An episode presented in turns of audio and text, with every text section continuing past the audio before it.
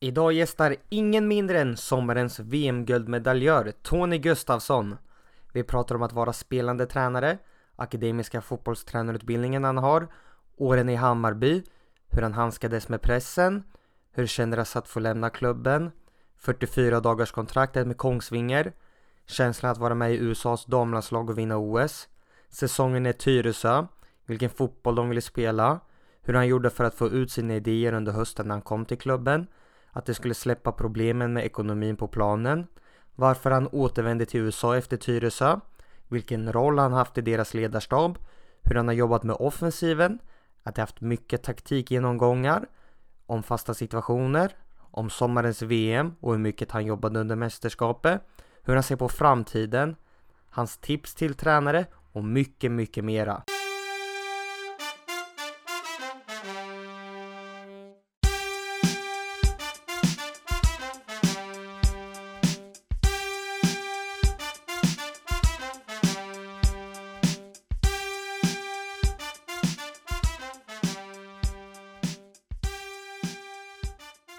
Varmt välkommen Tony Gustafsson till Möt fotbollstränarna. Tack så mycket. Hur är läget? Jättebra. Du är hemma nu i Sverige. Hur har din semester varit sedan VM? Ehm, sista tiden har varit väldigt lugn och skön. Första tiden direkt efter VM så tar det lite tid att landa. Det blir en, eh, en slags konstig tomhet på något sätt när man har varit i en, eh, i en VM-bubbla. Så det tar det tar sina veckor att liksom landa igen och, och, och, komma tillbaka till sig själv och sina rutiner. Um, men just nu så är det jättelugnt och skönt. Vad har du gjort under semestern? Um, jag började faktiskt direkt efter VM-finalen att uh, fly storstadsstress och, och VM-stress med att uh, åka med familjen till en liten by i i franska alperna och bara tog det lugnt i fyra dagar och gjorde ingenting. Eh, sov och åt gott och, och badade lite grann och försöka hämta igen lite tid med familjen som man missar under ett, ett VM-år. Um, ehm, och sen efter det när jag har kommit hem på svensk mark så har det varit att uh, träffa familj och bekanta som man har lite grann fått eh, gjort avkall på under det här VM-året. Och sen har jag även varit ute en hel del med, med båten i den fantastiska Stockholms skärgård som jag, jag älskar. Det är en liten eh, mental oas för mig att åka ut dit. Kopplar du bort fotboll eller försöker du se matcher ändå? Ja, jag har definitivt sett matcher ändå. Dels följer jag ju svensk fotboll intensivt. Eh, men jag har faktiskt också unnat mig och tagit mig tid att titta på våra VM-matcher en gång till. Till och med titta tillbaka till träningar. För jag har haft förmånen att ha lite tid för reflektion nu och som tränare har man inte alltid det. Utan det är bara nästa match och, och, och på det igen liksom. Och nästa träning och nästa möte och sådär. Nästa beslut som ska tas. Men nu när jag har haft mycket tid så, så har det varit otroligt intressant och nyttigt att reflektera över den här VM-resan och titta tillbaka till, till matcher och beslut vi tog och Eh, lärorikt framförallt. Så jag, jag har skrivit ner väldigt mycket anteckningar kan jag säga sista veckan här. Jobbar du mycket med att hela tiden försöka utveckla dig själv som tränare? Ja, det är ju en av mina absoluta käpphästar är ju utveckling. Jag har ett citat som jag ofta brukar använda var när jag är ute på mina föreläsningar och föreläser. Säger, vill du bli en dag bättre eller bara en dag äldre?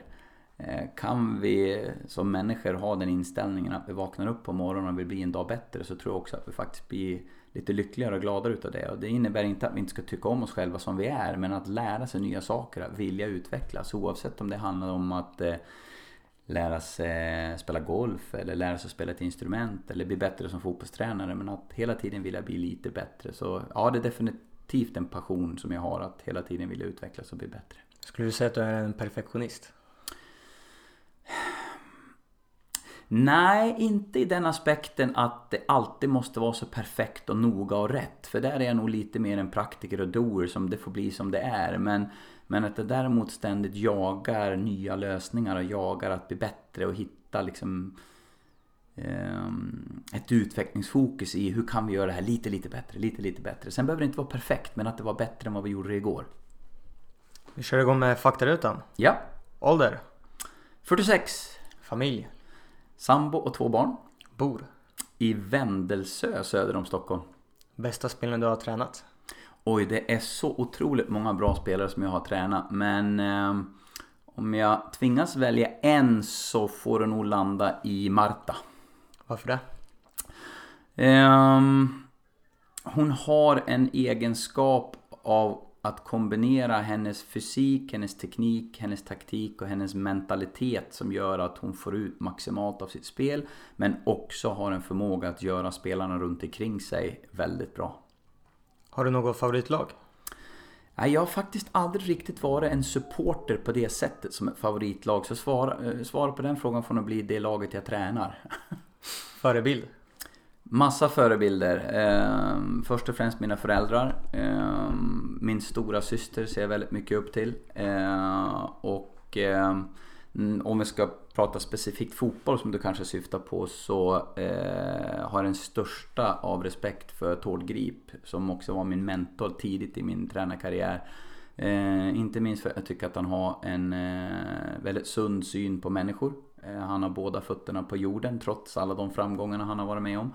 Eh, och sen har han också en väldigt skön humor och lätt skratt. Naturgräs eller konstgräs? Eh, det viktigaste är att det är en jämn plan där det går att spela en tekniskt fartfylld och snabb anfallsfotboll.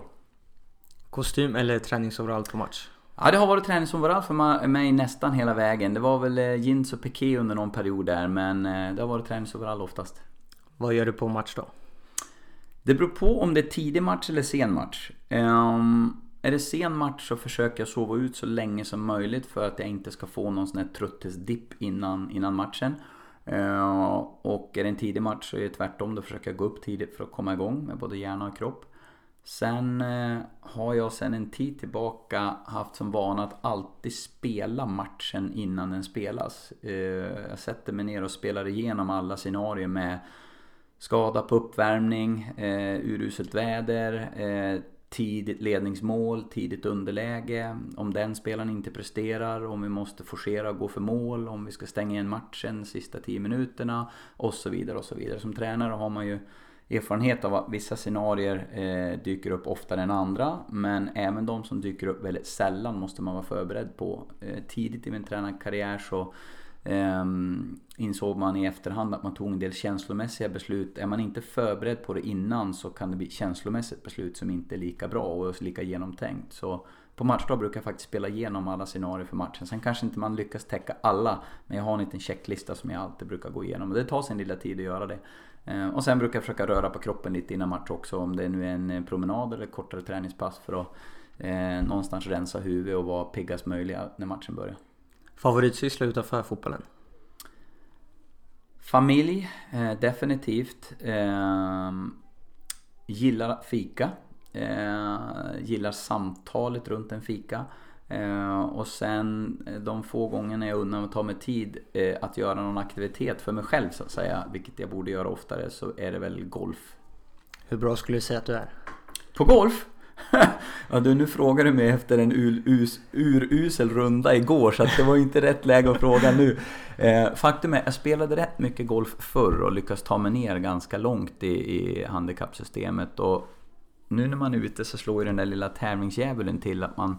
Du vet, jag sa att man vill ju alltid bli liksom lite bättre. Och nu har jag insett att jag hela tiden blir lite sämre på golf. Men det har ju att göra med att... Ja, det går åt fel håll. Men det har ju också att göra med att jag tränar alldeles för lite. Så just nu så är jag långt ifrån bra men jag är en eh, glad golfpensionär ute på banan som tycker att det är jäkligt trevligt med golf.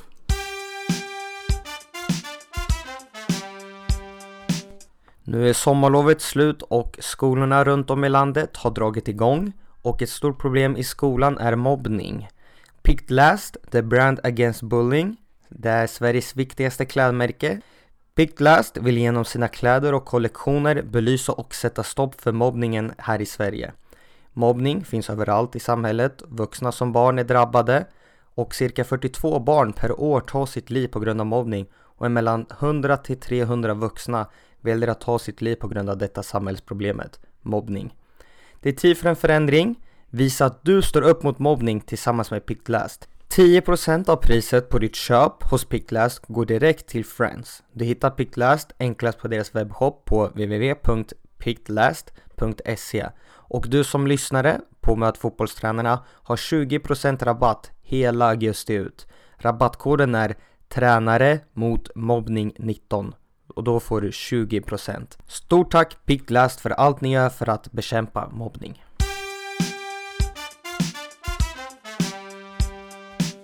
Hur såg din eh, spelarkarriär ut? Eh, en ganska eh, intressant och lite brokig spelarkarriär ska jag säga. Den startade i en eh, liten lokal klubb där jag växte upp söder om Sundsvall som hette Söröje. Eh, jag växte upp i en liten ort som heter Nolby eh, nära Kvissleby och söder om, om Sundsvall. Där växte jag upp som pojklagsspelare, gick relativt tidigt till IFK Sundsvall som också på den tiden hade ett eh, elitlag. Eh, gjorde mina sista juniorår, ett par tre stycken, eh, vart vi till och med fyra tror jag, juniorår i IFK Sundsvall med pojkallsvenskan bland annat. Vart uppflyttad till A-laget på lärlingskontrakt och gjorde en säsong i eh, Norrettan med IFK Sundsvall som vi hade förmånen att vinna det året. Och då la man om serierna så det vart en kvalsvenska där vi inte lyckades kvala oss upp. Sen efter den perioden där i Sundsvall så det var då det var lite sån där brokig och lite äventyrlig karriär. Jag drog iväg till USA ett år på studier och scholarship och spelade fotboll. Först för ett klubblag som hette Orlando Lions eh, på den tiden och sen för University of Central Florida. Och efter det när jag kom hem så fick man liksom lite granna eh, söka en alternativ väg till elitfotbollen eh, än vad den jag hade haft. Det vill säga gå från ett juniorlag upp till ett A-lag. Och då blev det seriespel i diverse divisioner. Eh, jag eh, spelade med Stockvik i division 4 95. Hade förmånen att vinna serien. Sen spelade jag med FC Café Opera Djursholm med deras satsning. Eh, där vi vann division 3 96. Eh, och sen eh, tog jag turen upp till Härjedalen och spelade för Ytterhogdas IK. Där min far kommer ifrån så jag flyttade upp till Ytterhogdal under en period då. Och även där hade förmånen att få vinna division 4. Eh, året efter det så spelade vi division 3 och då eh, hade jag turen att Simon Hunt som var tränare för IK Brage eh, såg en utav seriematcherna när vi mötte Forsa borta på Domnarsvallen i Borlänge. Och eh, av någon anledning så fattade han tycke för mitt spel eh, och bjöd in mig på en eh, sommarvecka Eh, då vi spelade en träningsmatch mot Halmstad som då låg i Allsvenskan. Eh, och jag hade turen att få ett fantastiskt inlägg från Fredrik Bengtsson eh, med hans enormt känsliga högerfot och lyckas nicka in ett mål i den matchen. Så jag får tacka Fredrik Bengtsson kanske för att jag hamnade i Borlänge och fick kontrakt där. Så då hamnade jag i IK Brage 1999 i ettan och var liksom tillbaka i elitfotbollen efter den där långa svängen via Stockvik och Café Opera, Ytterhogdal och USA. Eh, och hade ett av mina bästa fotbollsår någonsin eh, under det året. Eh, och då menar jag erfarenhetsmässigt som, som eh, fotbollsspelare och fotbollstränare. Att få vara del av det laget och den staden och den klubben var eh, helt fantastiskt. Jag har fortfarande vänner för livet i, i, eh, i den klubben och den staden. Och träffade också för övrigt min sambo just under det året. Så 1999 var, 1999 var ett speciellt år för mig.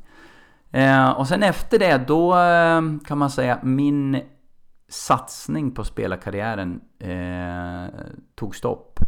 Jag vart erbjuden ett tränarjobb för Ytterhogdals IK. Eh, då i division 4 och hade förstående ledare IK Brage som gick med på att bryta ett kontrakt och jag hade två år kvar. Eh, och sa att jag är välkommen tillbaka den dagen jag vill tillbaka. Men det blev tränarbanan istället.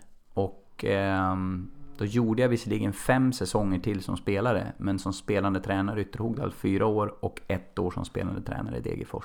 Och sen efter det har inte jag spelat någon tävlingsfotboll mer. Hur är rollen som spelande tränare?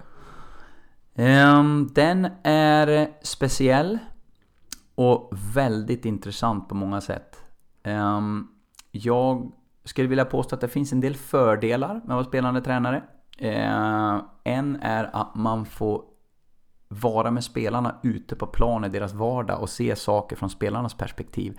Och man lär känna spelarnas vanor på ett sätt man inte gör ibland som vanlig tränare.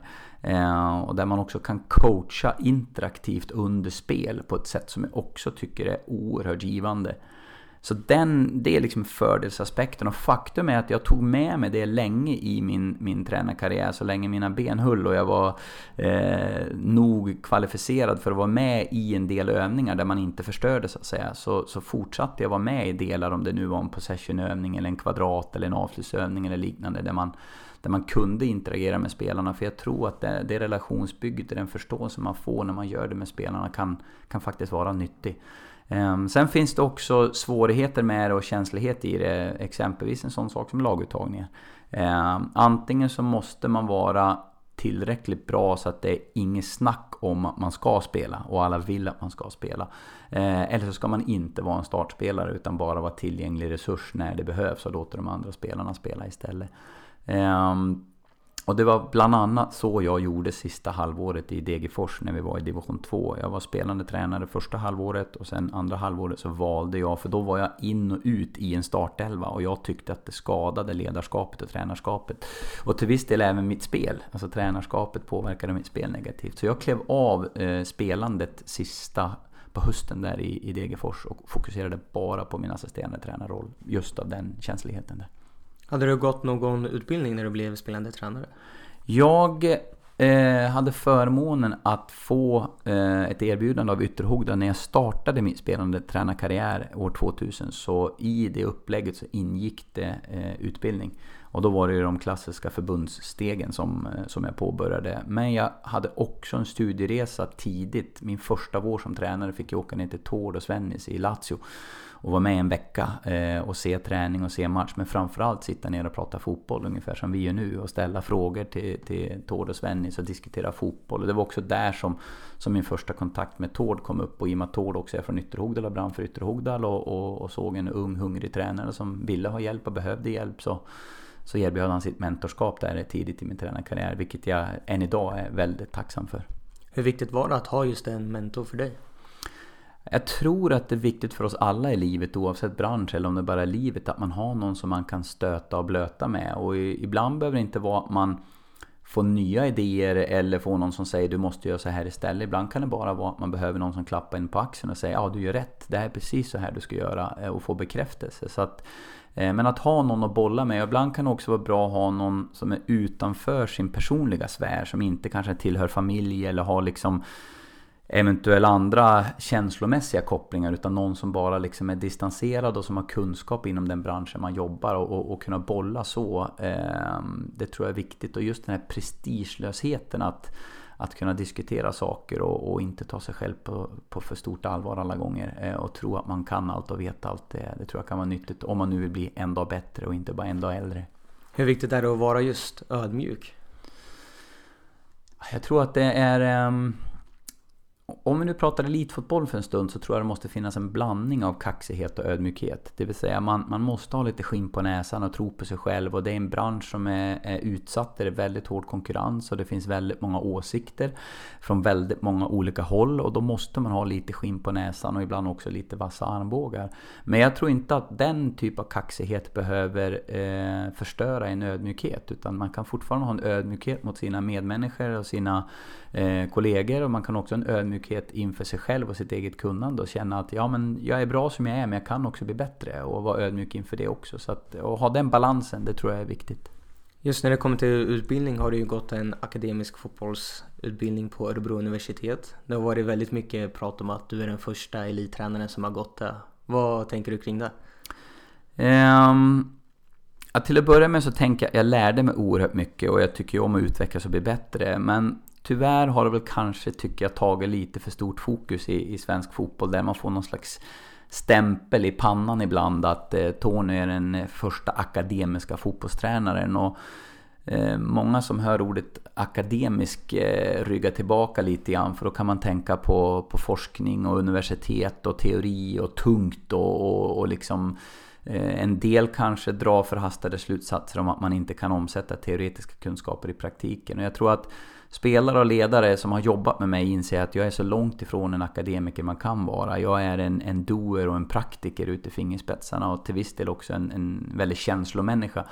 Sen för den skull så tror jag att det är ingen nackdel att skaffa sig teoretiska kunskaper som man lägger i bagaget och har i, i, i grund och botten. Sen, eh, det vi läste där var ju oerhört intressant. Men bara en sån sak som att på, i fem veckor på heltid få jobba med sitt eget ledarskap och svara på frågor. Vem är jag som ledare? Vilka kärnvärden har jag? Och hur ska jag nå framgång? Och vad är min syn på framgång? Alltså de delarna är oerhört nyttigt och det unnar jag alla att få tid att göra vid tillfälle. Och sen alla de intressanta böcker och föreläsningar och annat man fick ta del av. Studiebesök och annat. Läsa allt ifrån fotbollsfysiologi till fotbollspsykologi. Träningsmetodik inte minst som jag brinner oerhört mycket för. Eh, Eh, där jag lärde mig väldigt, väldigt mycket och få tid att studera träningsmetodik och eh, skitkul.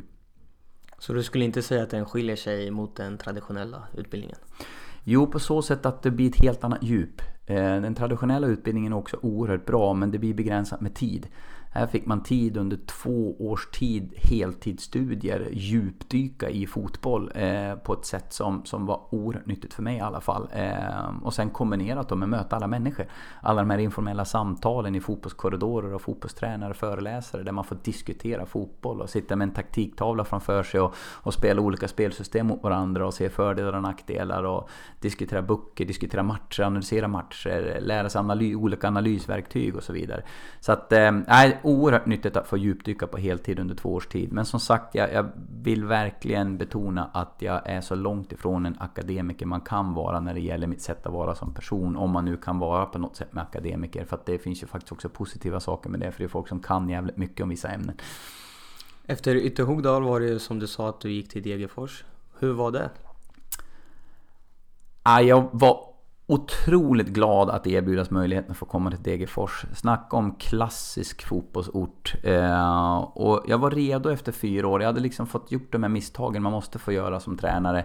Ung och oerfaren, eh, göra fyra år i, i Ytterhogdal och så kände jag nu är jag redo för nästa steg. Då hade jag dessutom gått hela vägen upp till steg tre på förbundets utbildningssteg. Jag hade fått gjort fyra år som tränare, kände att jag var redo för en ny utmaning. Jag läste om den här utbildningen som var kombinerad med Degerfors och Örebro och ville gå den men kände att jag kan inte bara flytta ner eh, för det. Jag hade familj och barn, jag måste ju ha någon klubb att jobba med. Eller spela i, för jag spelade ju på den tiden ska vi komma ihåg. Så jag lyfte luren på kanske balansera kaxighet och ödmjukhet. Så kanske det var lite kaxigt men jag lyfte luren och ringde till Degerfors och sa jag vill provspela för er. Får jag det? Eh, och Dave Mosson och kompani bjöd in mig på två veckors provspel eh, senhösten. Eh, och efter de veckorna så vart jag erbjuden eh, en anställning som spelande assisterande under Dave Mosson. Ehm, och det ångrar jag inte en dag för de människorna jag fick träffa där och att få förmånen att jobba i Degerfors. Så Tord sa faktiskt något sunt till mig när jag eh, fick förfrågan och, och flytta dit och jobba för Degerfors. Så sa han att eh, eh, bättre skola i svensk fotboll kan du kanske inte gå Tony, där du är idag. Klarar du av att jobba som spelare, klarar du av att jobba som tränare i Degerfors, då klarar du i alla miljöer. För där är det fotboll 100% från hela bygden. De här misstagen du pratade om att du hade lärt dig under dina fyra första år, vilka var de? Oj, du det blir en lång podd om jag ska rabbla upp alla de misstagen. Nej men man, man eh, tidigt så, så eh, tror man kanske att man har alla svar och går lite, lite snabbt fram ibland. Eh, har lite brist på tålamod och man tror att allting ska fixa sig snabbt. Eh, man tror att man har alla svar. Ehm, det är allt ifrån kanske att man eh, tror att det ska gå att spela på ett visst sätt fast man inte har spelarmaterial att kunna göra det. Det är en sån lärdom till exempel att hur får man ut maximalt av befintligt spelarmaterial. Den insikten kanske jag inte hade på samma sätt tidigt i min spelarkarriär. Eh, och en sån sak. Eh, en annan är att eh, Ibland så tror man att alla i sin omgivning har samma brinnande passion som man själv har. Och jag var ju oerhört passionerad till mitt tränarjobb även om det bara inom citationstecken var vi vann division 4 och sen spelade division 3 i tre år.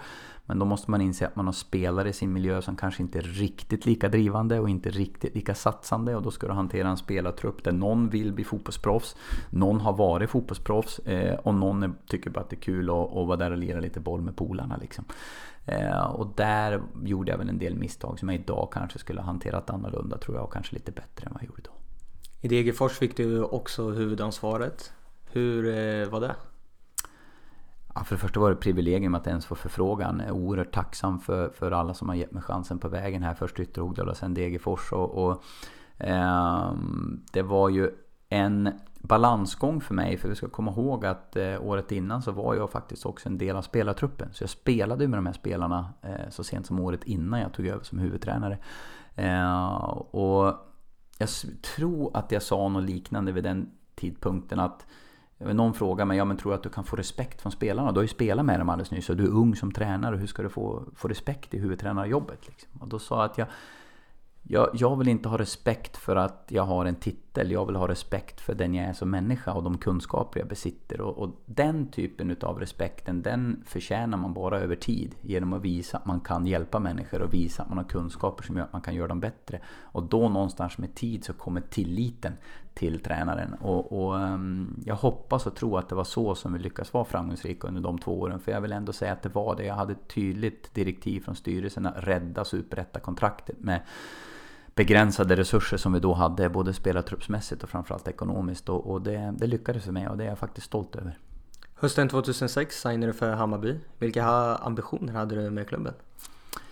Ja, det var inte mina ambitioner. Kommer man till en sån stor klubb, jag vill återigen tacka alla människor som har gett mig chansen. Som jag sa, Ytterhåla Degerfors och henne tredje steget till, till Hammarby. Att de gav mig chansen som ung och till viss del oprövad eh, tränare. Tyckte jag var modigt av, av Hammarby. Eh, även om det var en väldigt, väldigt lång intervjuprocess med allt ifrån personlighetstester till intervjuer till, till, eh, till annat så, så um, tycker jag att det var ett modigt beslut av dem. Och det var egentligen inte mina ambitioner med Hammarby utan det var ju Hammarbys ambitioner och vad jag kunde göra med dem. För kommer du till en storklubb så där så är de väldigt tydliga i vad som gäller. Så det var ju Hammarbys ambitioner som gällde. Hur skulle du summera dina år där? Fantastiska helt fantastiska. Eh, utifrån mina egna personliga erfarenheter att få jobba i en klubb som Hammarby. Eh, och då pratar jag egentligen hela vägen, ända, ända nerifrån plan och den spelidén som Hammarby står för. Som går hand i hand med mina egna ideal. En anfallsinriktad, attraktiv, fartfylld anfallsfotboll. Till människor runt omkring planen som är helt fantastiska. Eh, till hela vägen upp till liksom beslutsfattare och fans och, och hela vägen. Det, Sen att det var en, en, turbulent tid och en jobbig tid och en ekonomisk jobbig tid med en hel del omsättning i spelartruppen eh, och resultat som inte alltid kom vid. Det är klart att det är jag inte stolt över. Det är jag inte nöjd med. Hoppas jag att det kunde ha gått bättre än så. Eh, men erfarenhet som sådan, en helt fantastisk erfarenhet. Hur handskades du med pressen som fanns på dig? Jag tror att det är viktigt när man ger sig in i, i fotbollstränarbranschen att ha en insikt i att det finns alltid en, en press på en. Och som jag berättade, Tord hade sagt att kan du hantera våra tränare i Degerfors så kan du hantera alla klubbar. Och, och jag lärde mig väldigt mycket att hantera press under Degerfors-tiden. Eh, på det sättet att där är det liksom intresset för klubben går hela vägen in, in i materialrummet, in i omklädningsrummet, ut på plan. Och då måste du kunna hantera viljor och åsikter runt omkring dig på ett sätt som gör att du måste vara stadig i dig själv, du måste tro på det du gör och du måste hålla liksom en sluten bubbla runt laget där det här gör vi oavsett åsikter runt omkring. Och Eh, jag använde samma strategi och samma metodik under, under tiden i, i Hammarby. Eh, och jag vill säga, det har blivit inspirerad av i USA-tiden här när jag varit där i, i så många år. Men där, där pratar man i termen om att pressure is a privilege. Alltså att ha press på sig är ett privilegium. Eh, för det innebär att du tillhör en organisation eller en klubb, en miljö där det finns förväntningar om att faktiskt kunna vinna någonting. Och då eh, ska du vara tacksam att man får vara del av en sån klubb och, och det var jag. Hösten 2009 fick du ju lämna Hammarby. Hur kändes det? Det är alltid tråkigt när man inte är önskad. Ehm, men jag har förståelse för det beslutet som togs. Ehm, även om jag då när jag fick sparken låg på rätt sida strecket så, så har jag förståelse för hur man, hur man resonerar. Ehm, och jag tror också att alla människor som tar sådana typer av beslut gör det inte av illvilja. Eh, men ibland så måste man offra individer för bekostnad av ett eh, bigger cause, alltså en större anledning, i det här fallet för Hammarby. Eh, och jag tror att man gjorde det för att man ville Hammarby väl. nu gick det inte väl och Hammarby åkte ur ändå, men jag tror att beslutet man tog grundade sig på att man trodde det var det bästa för Hammarby. Och det måste man respektera som tränare, det får man inte ta personligt. I april 2010 skrev du på för Kongsvinger i norska högsta ligan. Hur gick tankarna inför det uppdraget? Ja, det var ju väldigt spännande uppdrag och annorlunda uppdrag kan jag säga. Ehm, jag hade vid den tiden eh, varit från tränarskapet en tid, gjort lite kommentering eh, och analysera fotboll då via, via mitt TV-jobb. Jag älskar ju att analysera fotboll och det taktiska. Jag brukar kalla det för det, det gröna fältets schack och, och gillar ju den delen av spelet. Men då kom en förfrågan från Kongsvinger där man är i en turbulent period. Man har en huvudtränare som har hoppat av efter åtta omgångar tror jag det var om jag kommer ihåg rätt. Man har en assisterande tränare som har tagit över tillfället och man är i desperat behov av någon som kommer in och, och tillför energi och tro i ett lag. Ehm, jag satt då i ett avtal med SVT och skulle ner och kommentera VM i Sydafrika 2010. Och eh, var då begränsad. Men fatta så mycket tycke till de här människorna i Kongsvingen och Kongsvingen som klubb. Jag kände att om de gör bedömningar, jag kan hjälpa dem så, så vill jag göra det. Så jag skrev på ett kontrakt på 44 dagar. Eh, för det var 44 dagar kvar till eh, sommaruppehållet. Och jag sa, jag hjälper er fram till sommaruppehållet. Men sen har jag ett kontrakt med SVT och då får ni se dem efter en ny huvudtränare. Men då gör, hjälper jag er genom att ni får köpa er tid att hitta en annan tränare. Och samtidigt så blir det ett eh, väldigt spännande äventyr för mig. Så vi var överens om det, väldigt unik lösning men vi tyckte det var bra för båda. Det gick väldigt, väldigt bra under den våren. Eh, vi tog mycket poäng. Eh, vi fick den här energin som klubben ville jag skulle tillföra. Ett antal spelare som, som eh, fick lite grann av sina, sina genombrott. Lars Christian Krogersson bland annat som är i Norrköping numera. Som jag älskar att jobba med. Som jag skolade om till tia där. Och sen Martin Linne som kom från division 3 som jag skolade om som ytterback. En ung, hungrig, frejdig spelare som också gjorde fantastiskt bra ifrån sig. Och då kom det ju den intressanta frågan på sommaren där, Tony kan du fortsätta? och jag satt i en situation där jag inte kunde göra det, för jag skulle ner och jobba med VM i Sydafrika. Så jag tackade nej en gång, eh, jag tackade nej två gånger och jag tackade nej tre gånger. Eh, men klubben ville verkligen att jag skulle stanna oavsett eh, lösning. Så de lyckades övertala mig mycket på grund av att jag var oerhört förtjust i klubben. Eh, och människorna i och runt omkring klubben och fansen för den delen också. Så, så kände jag att Ah, jag, jag hjälper till liksom. Och, och, idag insåg jag att det var kanske inte så smart beslut varken för mig eller klubben. För jag var borta hela sommaruppehållet när det ska tas beslut kring spelare och annat. Och var på tele, jag tror en telefonräkning på 36 000 nere från Sydafrika. Det var suttit telefon med spelare och ledning och sådär.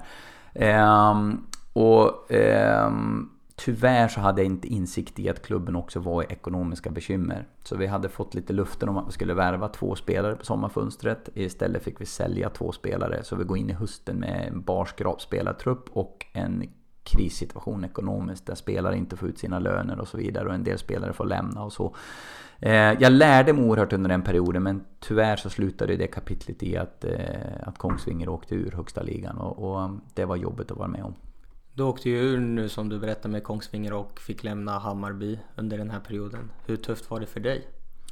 Det är klart det är tufft som tränare, absolut. Eh, men det är också i motvind som seglen reser sig. Eh, alltså man, man eh, som tränare så tror jag att man lär sig oerhört mycket att få erfara lite motgångar.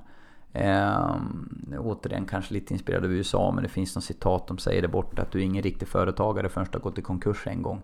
Det vill säga att lära sig hantera motgång oavsett bransch är, är, är nyttigt. Och, och, ehm, med perspektiv till det, även om det där och då kändes kanske bara mest jobbigt, så tror jag att jag lärde mig ofantligt mycket under de två erfarenheterna som jag tror också till viss del har legat till grund till den senare tidens framgångar. När jag hade med Poyas Bagi för något avsnitt sen så berättade han att man får inte sväva iväg om man vinner med 3-0 och man får inte heller tro att man är sämst när man förlorar med 3-0. Håller du med om det? Ja, det tycker jag är klokt sagt. Och det, som tränare är det ju, om du lyssnar på dem utifrån så, så är du ju aldrig bättre än din senaste match. Det vill säga förlorar du senaste matchen så är du inte värd vatten och vann du senaste matchen så är du superdemontränare liksom. Och det, jag tror att det han syftar på är att det är viktigt att man håller sig i någon stabil lagom mellanmjölkszon. Det låter jättetråkigt men som tränare så tror jag att man måste hålla en stadig eh, position i och, och veta vem man är och vad man kan. Men däremot så tror jag att man ska lära sig av framgångarna och motgångar och plocka med sig. Efter Kongsvinger hade du inte något uppdrag på något år. Vad gjorde du då? Eh, jag har ju parallellt med att vara tränare så har jag även drivit företag. Jag har en liten entreprenörsådra i mig och, och ehm, då jobbade jag en hel del med utveckling och utbildningsfrågor. Ehm, jag har under alla år varit ute och föreläst en hel del, mest inom näringsliv faktiskt. För jag anser att utvecklingsprocesser och att bygga team och framgångsformen den ser likadan ut oavsett bransch. Det är bara den Specifika kunskapen som, som skiljer sig åt. Så att, föreläsningar, eh, vilket jag också gör än idag. Jag tycker jättemycket om att komma ut på fältet och möta nya människor, speciellt i nya branscher och, och, och dela med mig av mina erfarenheter av vad, vad framgång är och hur man når det. Eh, men sen eh, tog jag faktiskt också fram en utbildningsmetodik och en träningsmetodik inom fotboll som jag var ute och spred lite grann i land och rike runt. Mest i breddföreningar. Jag pratar mycket om hur man som föräldratränare kan få ut maximalt utav sina barns träningar och hur man som, som klubb med mycket föräldratränare och mycket barn och ungdomar kan, kan maximera sina resurser med minimal tid och minimal ekonomi. För det finns många eh, fantastiska föräldratränare där ute som, som ligger bakom hela svensk fotboll kan man säga. Som, som jag faktiskt vill passa på att rikta ett enormt stort tack till. Jag, jag tycker det är lite grann våra vardagshjältar där ute som ligger till grund för, för, eh, för svensk fotboll. Och då kände jag under en tid, kan jag, kan jag betala tillbaka till gräsrötterna? Eh, som jag en gång kom ifrån och hade lite tid att göra det så, så kände jag att jag ville göra det. Ut och inspirera Kalle, Olle, Pelle, Stina, Lisa, vad de nu heter ute i fotbollssverige. Så, så, och det var en kul resa. Jag fick träffa fotbollsföräldrar, fotbollsledare, klubbledare, beslutsfattare och spelare från södraste södra Sverige till långt upp i norr. Och det var fantastiskt att få göra det.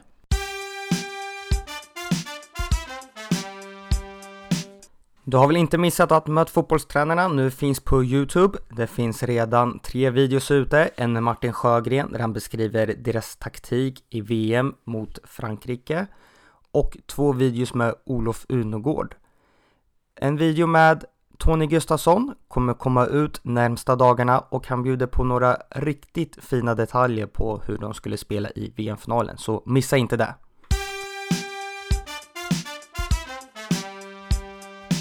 Nästa fotbollsuppdrag var ju att jobba som assisterande åt Pia Sundhage i USAs damlandslag under OS 2012. Hur stort var det? Ja, det var ju en enorm upplevelse och jag ska berätta en liten rolig anekdot där. Jag, jag kände inte Pia sedan innan och eh, var inte i ett uppdrag vid tillfället och så dök det ner mail i min mailbox. Eh, och kanske fel citera här men om jag kommer ihåg ungefär rätt så stod det något. Hej Tony, Pia Sundhage här. Ehm, jag behöver en assisterande till OS i London 2012. Är du sugen på att vinna guld? Häng med! Hälsningar Pia. Ja, det är lite typiskt henne med en sån kommentar. Så då träffade jag Pia några gånger i Stockholm och vi kände lite grann på varandra och rollerna och vilket uppdrag hon ville ha. Och då, vid det tillfället då så hade en av hennes assisterande som var ansvarig för eh, backlinjen eh, hoppat av och gått tillbaka till sitt collegejobb. Och då sa hon att jag vill att du jobbar specifikt med backlinjen och försvarsspel i, i sista tredjedelen. Eh, och jag kände att få se ett OS från insidan och få känna på landslagsfotboll. Det, det såg jag fram emot. Så att jag hoppade på det tåget och skrev ett korttidskontrakt på fyra månader. Eh, och fick förmånen att vinna OS-guld med USA. Vi kommer in lite på vad du har haft för ansvarsområden under ditt senaste uppdrag i USA. Men då har du haft det offensiva och nu hade du det defensiva. Hur mm. kändes det? Ja, men jag har väl haft ett ganska brett spektra kanske när det gäller eh, tränarinriktning. Och, och, när man bygger ett team av tränare så gäller det att få ut maximalt utav teamet. Och just där och då så Eh, kände Pia att hon behövde någon som tog försvarsspel i sista tredjedelen av backlinjen och jobbade med detaljer kring det. Och eh, då tog jag det uppdraget med stolthet och tyckte det var oerhört kul att jobba nära en subgrupp av spelare. Med mycket möten bara med dem och jobba på detaljnivå, en hel del också lagdelsträning och sådär. Um, och sen när jag hoppar på tåget till USA igen och jobbar med Jill Ellis så uh, har jag jobbat med två helt andra roller än det. Um, den första rollen 2015 när vi vann VM så jobbade jag med ansvar för 7 9 eh, eh, förlåt, 7 11, 9 10, det vill säga yttermittfältarna och, och båda forwards. Och, och jobbade bo, på båda sidor boll med dem, både försvarsspel och, och anfallsspel. Eh, och sen nu i den senaste sessionen, de senaste två och ett halvt åren, så har jag jobbat som ansvarig för träningsmetodik och träningsplanering. Eh, och även totalansvar för anfallsspelet, eh, inklusive målvakt hela vägen fram. Eh, kanske det, det, största ansvaret jag haft inom landslagsledning hittills, eh, som har gjort att arbetsbördan har varit, varit stor. Men det har också varit ofantligt kul. Och därtill ska läggas att jag också har jobbat med fasta situationer under båda mästerskapen då, eh, de offensiva. Vi återkommer lite till det lite senare, men hur var det att få vinna OS-guld? Alltså det är en mäktig känsla eh, och, och att få vinna OS-guld på, eh, på Wembley, en klassisk arena med 80 000 på läktaren och, och känna liksom Det var någon som sa till mig och kallade det för, ja det är från från, från vallen till Wembley Tony. Eh, började min tränarresa på, på eh, Svedjevallen i Ytterhogdal och sen stod man på, på Wembley och lyfte ett OS-guld. Det kändes lite surrealistiskt och, och en enorm förmån och jag är tacksam än idag för, att känna Jag får lite rysningar nu när jag sitter och tänker på det faktiskt. Vilka minnen alltså. Pia Sundhage är ju nu klar för Brasilien. Hur tror du det kommer gå för henne där? Hon har varit modig som har tagit det jobbet tycker jag. Eh, men hon är en modig kvinna. Eh, Brasilien går igenom ett generationsskifte där många av nyckelspelarna eh, antingen inte kommer kunna vara med på grund av ålders eller fysiska skäl. Eller kanske inte kommer kunna vara bra nog för att vara med. Eh, och så ska hon gå igenom en generationsväxling på väldigt kort tid. Och dessutom om man tittar på de kulturella skillnaderna på de landslag hon har tränat tidigare, brasilianska, så kan det ju antingen bli en fantastisk mix där man får ut det bästa av alla kulturer eller så kan det bli någon slags kulturkrock som inte passar. Så jag tycker att det är oerhört modigt av henne och det ska bli jättespännande att se vart landslaget tar vägen. Samma år på hösten skrev du på för hårdsatsande Tyresö i damallsvenskan. Vilka mål hade ni där? Ja, det stämmer. Det var, det var samma höst som 2012 ja. Det stämmer. Jag, jag, jag flög hem direkt ifrån London till och hade träning dagen efter med, med Tyresö. Och minns att jag hade en träning på mig innan första tävlingsmatchen. Uh, Vad gör du på den träningen? Ja, det, faktum är att det här är jätteintressant. Det här skulle vi kunna prata flera timmar om. Men är det någonting jag har blivit bättre på sista åren som tränare så är det att få ut maximalt på minimal tid. För när du jobbar i landslaget så kan du inte kasta iväg en träning på någonting som inte hjälper dig att vinna en fotbollsmatch. Utan du måste veta precis vad du gör varje minut.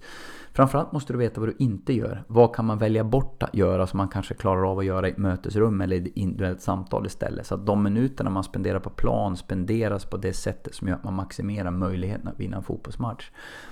Så de kunskaperna tog jag med mig till Tyresö och fick faktiskt väldigt bra effekt på kort tid. Ehm, och vi hade ju ett fantastiskt fotbollslag. Vilka spelare! Vi behövde bara få ihop det så att de här starka individerna med starka egon och envisa vinnarskallar hade en gemensam syn på hur vi skulle vinna fotbollsmatcher. För att, att de hade individuella kvaliteter för att vinna fotbollsmatcher, absolut. Men det fanns starka viljor och det var viktigt att få ihop dem till en vilja.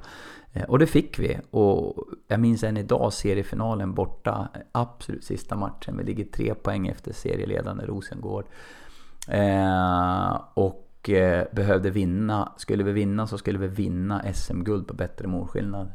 Det står 0-0 till 76 minuten tror jag om jag kommer ihåg rätt. Eh, och Madde Edlund nickar in 1-0 vid första stolpen och det blir eh, efter slutsignal blir en sån här klassisk TV-puckshögsfirande liksom. Det är stackars de som låg underst har jag tänkt på än idag. Men nej, det var en fantastisk resa att få vinna OS-guld på sommaren och sen på hösten vinna SM-guld. Det, det 2012 går till historien för mig. Vilken typ av fotboll spelar ni i Tyresö? Det var jätteklart vilken fotboll vi ville spela. Fartfylld, anfallsinriktad, genombrottsinriktad fotboll med bollen efter marken. Ehm, vi var väldigt, väldigt effektiva i vårt passningsspel där vi var duktiga på att bryta in bakom linjer. Ville gärna spela in bakom lagdelar så mycket som möjligt. Men i syvende och sist handlar det om att komma in bakom motståndarnas backlinje. Och där var vi faktiskt fantastiska i Tyresö. Man har Caroline Seger och Vero Bukete rättvänd i spelyta 2 ja nu blir det fotbollstermer här som tränare, men i ytan framför motståndarens backlinje. Och, och sen har spelare som, eh, som Marta och Madde Edlund och Christian van der Ven och eh, djupledslöpningar som var världsklass in bakom. Och senare också kom ju Christian Press med in i den forwardstrion, men inte då när vi vann SM-guldet 2012. Men det var ju... Ah shit, det var, var häftigt. Bra fotboll får jag säga, om jag får säga det själv. Riktigt bra anfallsfotboll. Hur gjorde du för att få ut dina idéer under hösten när du kom kom till klubben? Förenkla. Jag tror att det var också, du frågade vilka misstag som jag gjorde under ytterlighetstiden. Jag tror att jag inte riktigt då hade förmågan att förenkla på samma sätt som idag. Så man går i den här klassiska fällan som tränare att vara överambitiös. Så man överöser spelarna med information. Det är långa genomgångar, det är långa spelidédokument. det är långa utdragna taktiska träningar som gör att Antingen tappar du spelarnas intresse eh, eller så blir det overload. Det, det, blir för mycket info. Så det jag gjorde då i Tyresö, det var förenkla. Kom till kärnan i budskapet och förenkla. Och egentligen skulle man kunna summera hela spelet in i ett väldigt enkelt citat. Det var eh, spela bollen framåt i vinkel på rättvänd. Och det var det vi fokuserade på i allt vi gjorde. Och vilka positioner kan vi då ha för att bli effektiva på det? Vem ansvarar för spelbredd, spellup och så vidare? Vilka övningar kan vi ha för att jobba med det? Men, men i grund och botten handlar det om att vi vill spela bollen framåt i vinkel på rättvänd. Eh, och så in bakom motståndarnas lagdelar såklart. Hur ser det långsiktiga planeringen ut när det kommer till att utveckla en spelidé?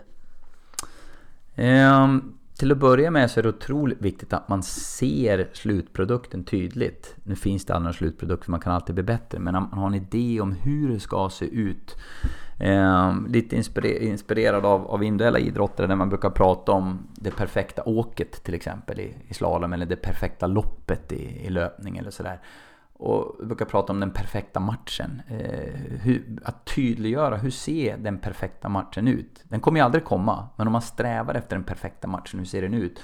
Och sen gäller det att på så enkelt sätt som möjligt tydliggöra den målbilden för spelarna så att vi alla ses exakt samma målbild där framme i horisonten. Hur agerar vi i försvarsspel? Hur agerar vi i anfallsspel? Vad är det vi värderar i, i, eh, i vårt sätt att spela? Ehm, men som sagt, försöka förenkla det så mycket som möjligt. Och då tror jag mer på bilder och video än på text. Ehm, och det är någonting jag har jobbat hårt med sista åren nu. Att jag jobbar minimalt med text. Ehm, och maximalt med bilder och eh, video.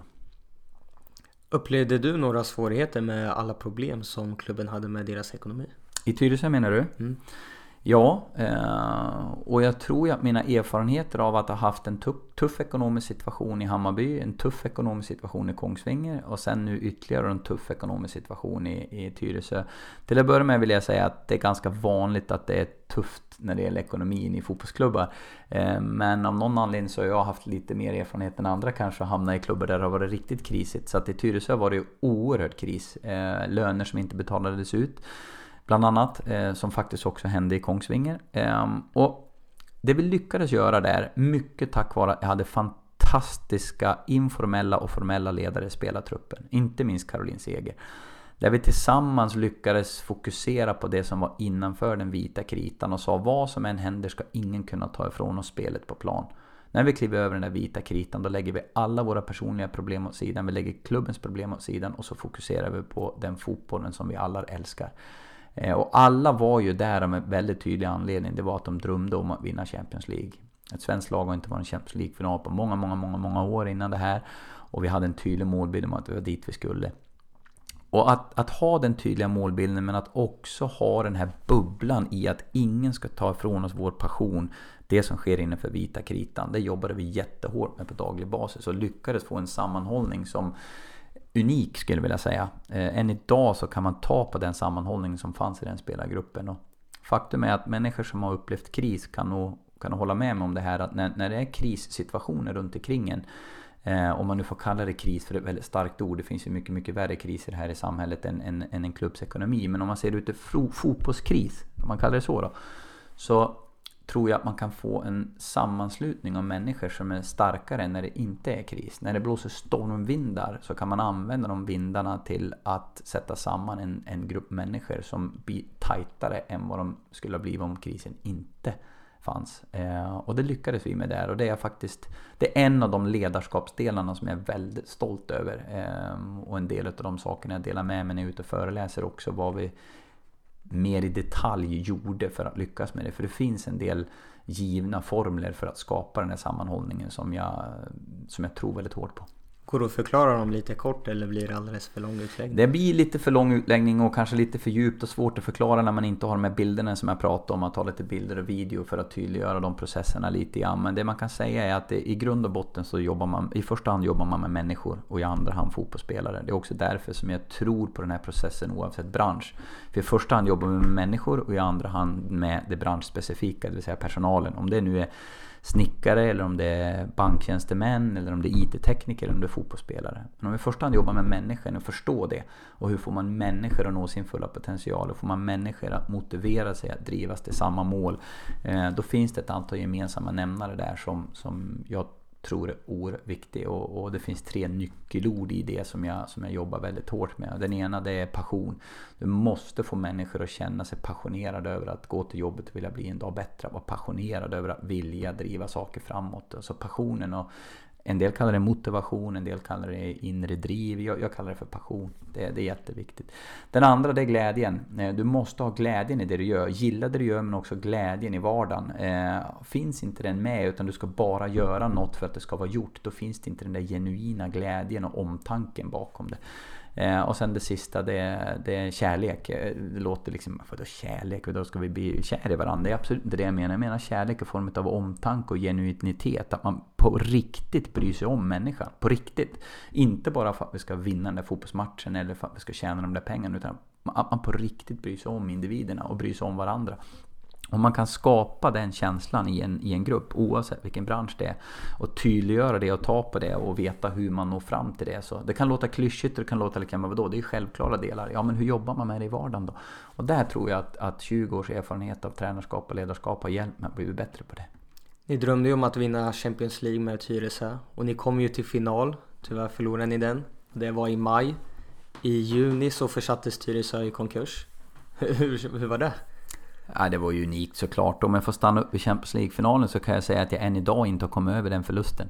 Eh, gör lite ont i mig till och med nu när du nämner den där Champions League-finalen. Eh, det, är en match vi ska vinna och kan vinna. Eh, det finns ett antal anledningar och förklaringar som jag givetvis har analyserat i döddagar. Alltså jag, kom, jag än idag analyserar jag den matchen. Och, men jag tror också att några av de lärdomarna som jag tog med mig från den Champions League-förlusten låg till grund till att jag faktiskt också har fått förmånen att vinna VM-guld. Eh, för det var några saker i den matchen som hände som jag har blivit bättre på att förbereda lag för att hantera efter det. Eh, exempelvis en sån enkel och banal sak med matchavgörande sak så att om en spelare är skadad i backlinjen Vem fyller den positionen om motståndaren passar på att anfalla innan vi har hunnit organisera laget? Har man en plan för det? Hur löser man det? Eh, det är bara en sån, apropå det här med att spela matcherna i förväg och innan och att förbereda laget för det.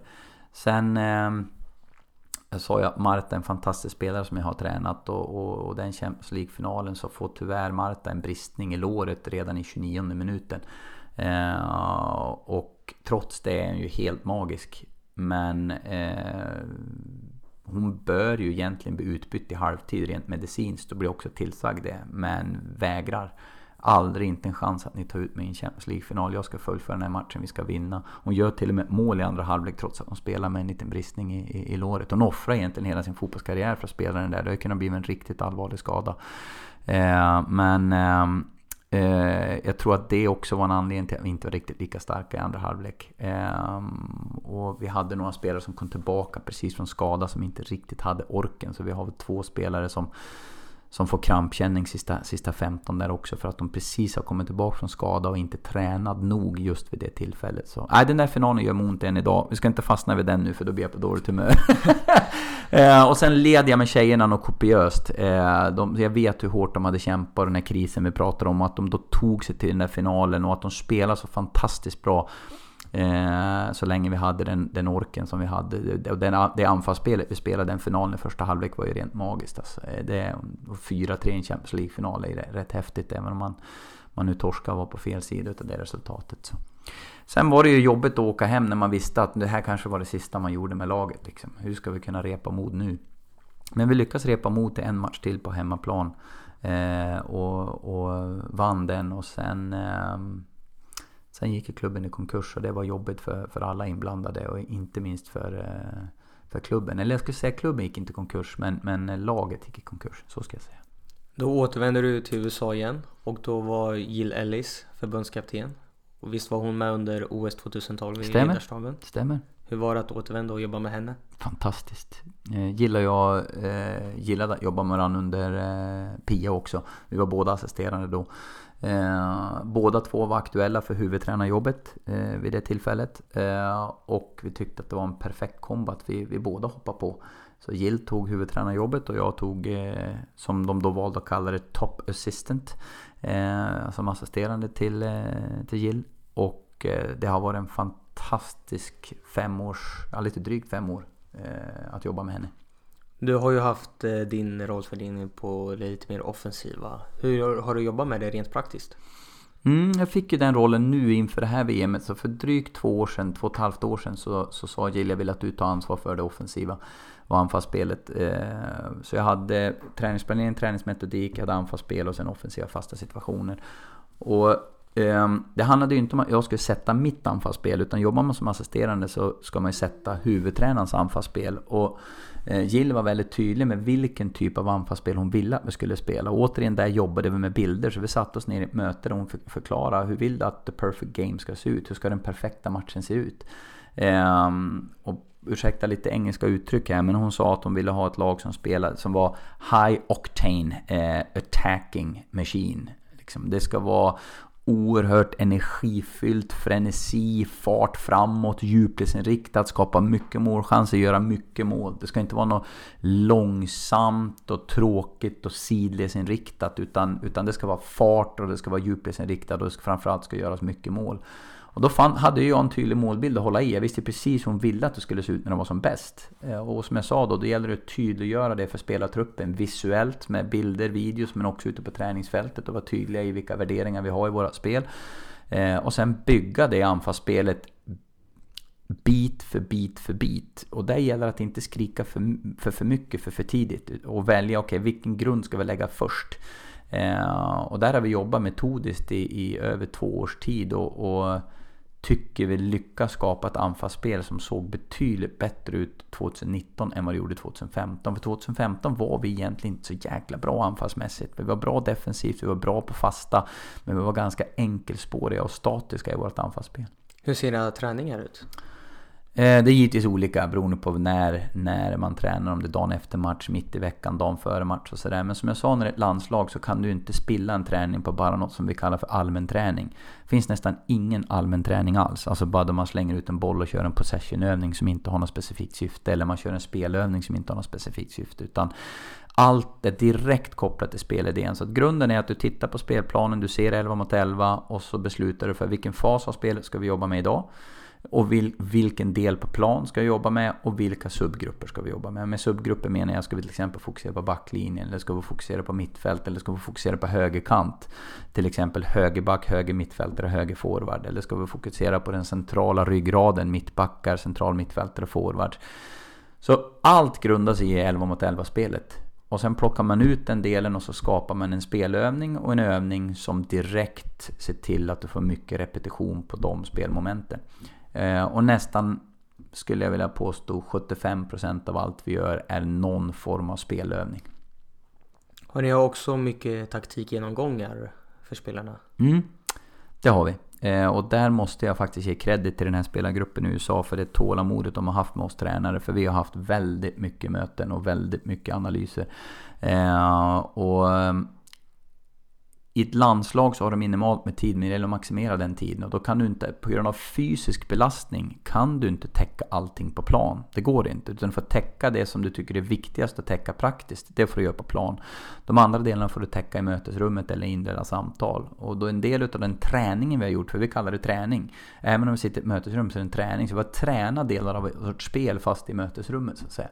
Vi har till och med gått så pass långt att vi har förmånen att ha materialare och, och, lagledare och resurser runt omkring oss som skämmer bort oss ledare. Så vi har till och med på vissa hotell när vi har haft stora konferensrum så har vi också tejpat upp fotbollsplan i konferensrummet. Så vi har kunnat haft träningspass inomhus. Vi har alltså inte bytt om utan vi har bara haft något som vi kallar för walkthrough då. Då vi har liksom gått igenom scenarier på plan, både försvarsspel, anfallsspel och, och fasta situationer.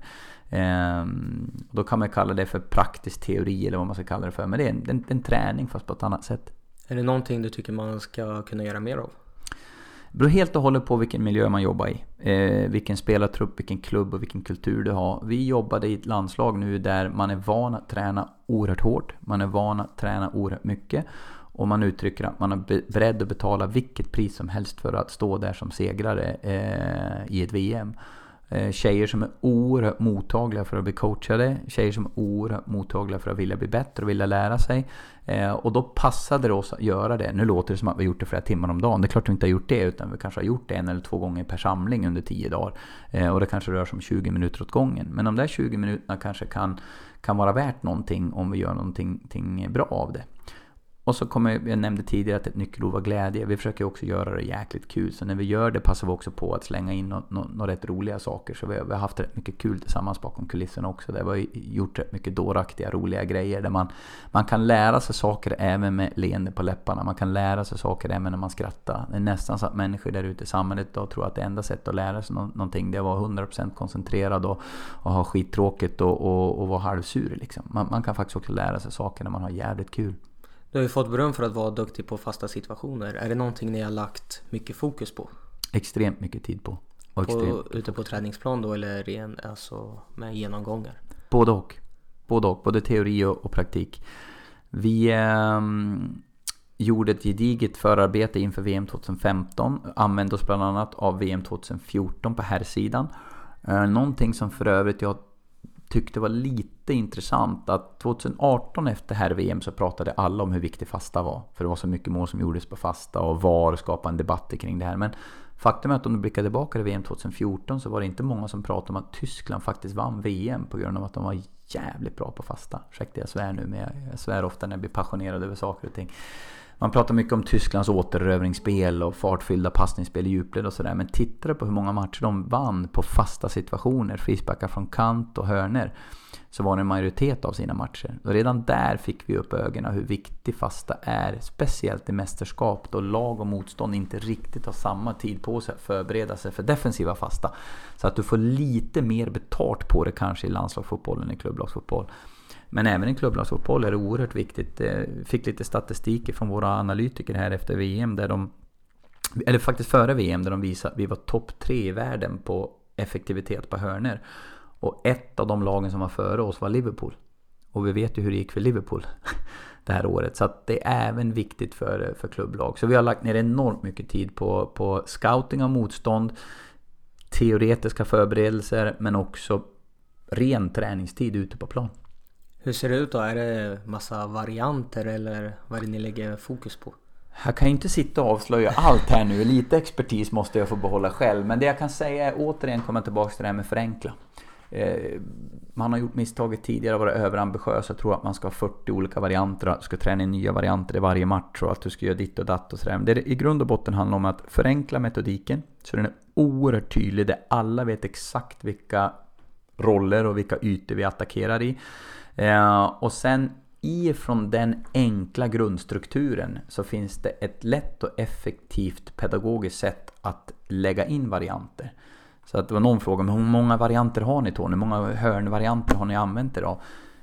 Eh, ja, alltså jag överdriver nu inte om jag säger 150 liksom. Men då säger jag, men hur kan du förbereda för 150 varianter? Ja, men då har man inte riktigt förståelse för den metodiken som jag nyss pratade om. Det, det finns liksom en grund i det. Det var som tror faktiskt det var Peter Gerhardsson som sa när de skulle möta oss i VM att eh, om vi skulle försöka förbereda oss för, för alla USAs fasta så får vi inte göra annat. De måste ha världens tjockaste manual på, på fasta situationer. Och ja, vi har, vi har många olika alternativa sätt, eller hade väldigt många olika alternativa sätt att anfalla på på fasta. Men allt grundas i en väldigt, väldigt enkel, nästan så att om du, om du skulle se modellen och, och som jag visade så skulle du säga, jaha var det så där enkelt? Det var inte så märkvärdigt. Det handlar om att förenkla och gör saker enkelt med kvalitet, då blir det effektivitet. Ni vann ju VM-guld i somras. Vad tycker du om mästerskapet? Helt fantastiskt mästerskap eh, i alla aspekter.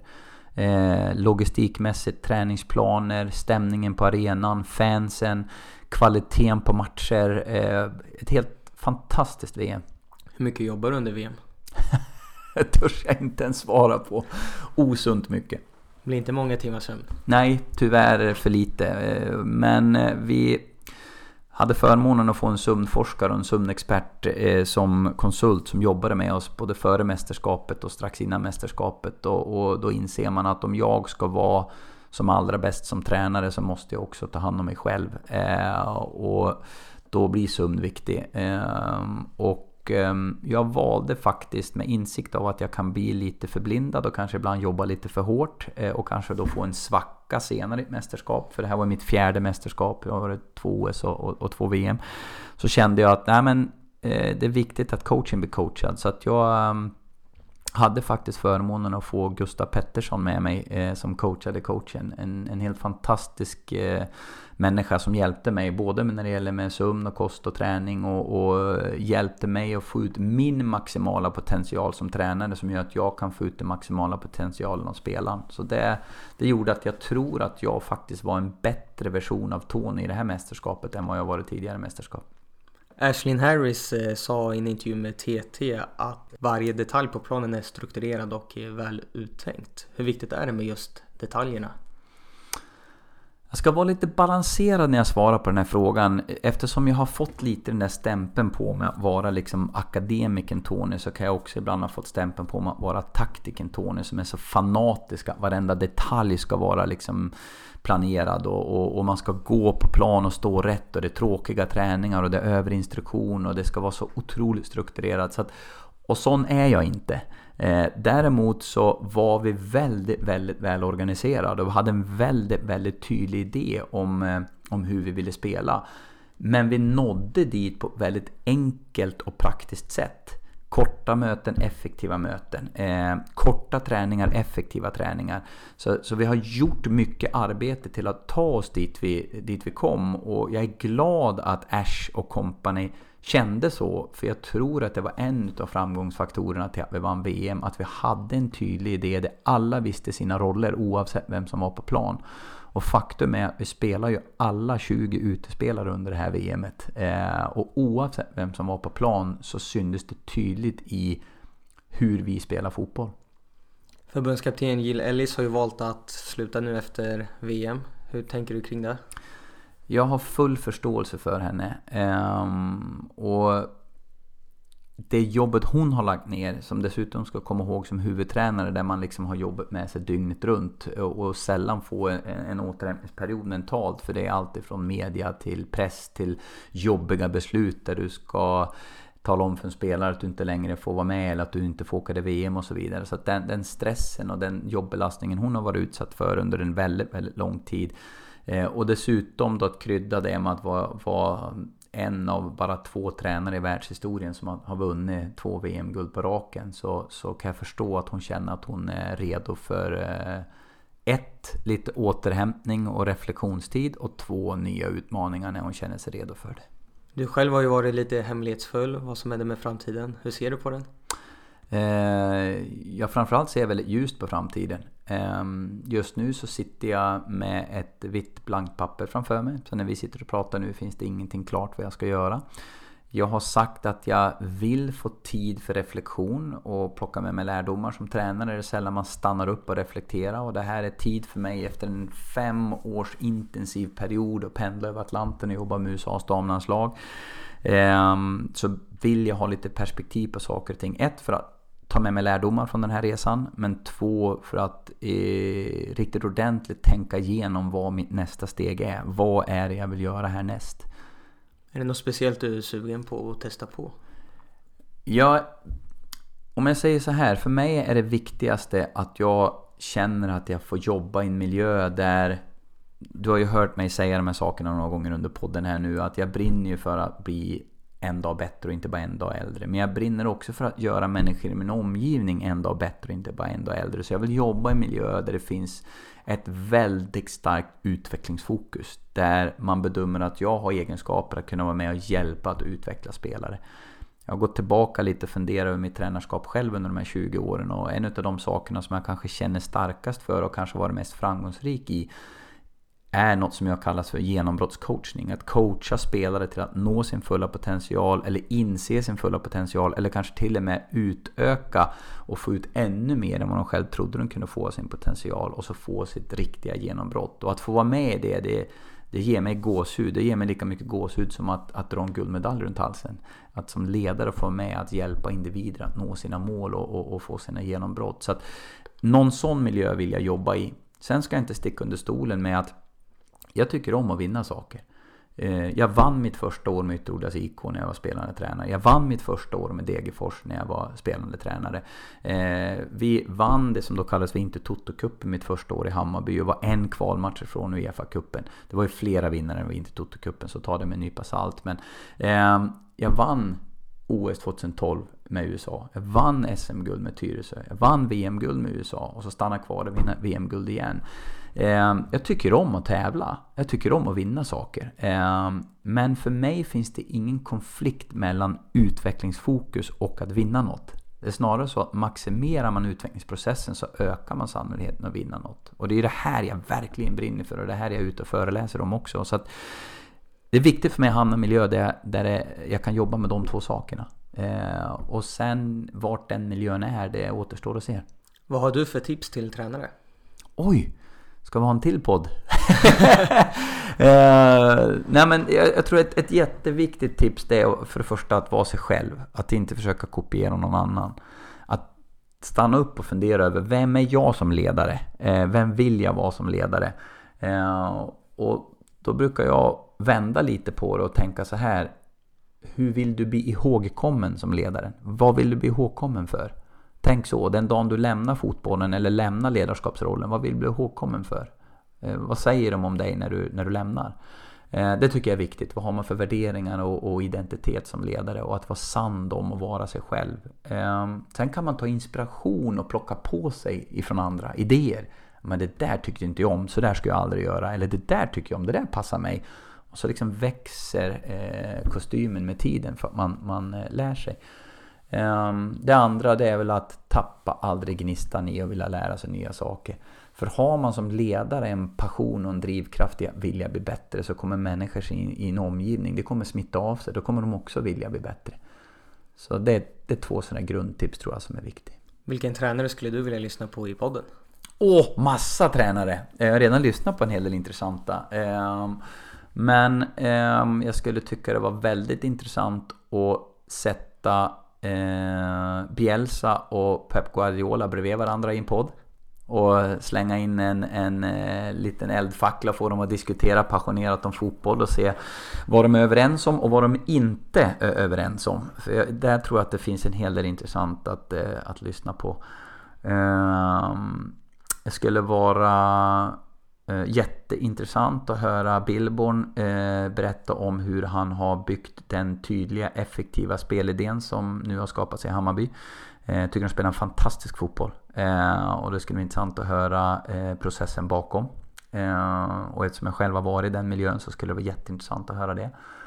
Ehm, Mer spännande? Alltså det är massa jag skulle vilja höra. Eh, som sagt, jag nämnde Tord Grip tidigare. Jag tyckte det var fantastiskt att, att, att få höra lite grann. Eller om jag säger så här, jag har ju hört det mesta. Men att få andra människor att få ta del av hans resa. Och höra lite stories bakom kulisserna från hans erfarenheter i de olika klubblagen och landslagen. Det, det tror jag många skulle vara intresserade av. Eh, och det, det vore bra om det kan kan spridas. Eh, för det är en fantastisk människa med fantastisk erfarenhet men framförallt med fantastiska värderingar. Stort tack Tony för att du tog dig tid. Stort tack!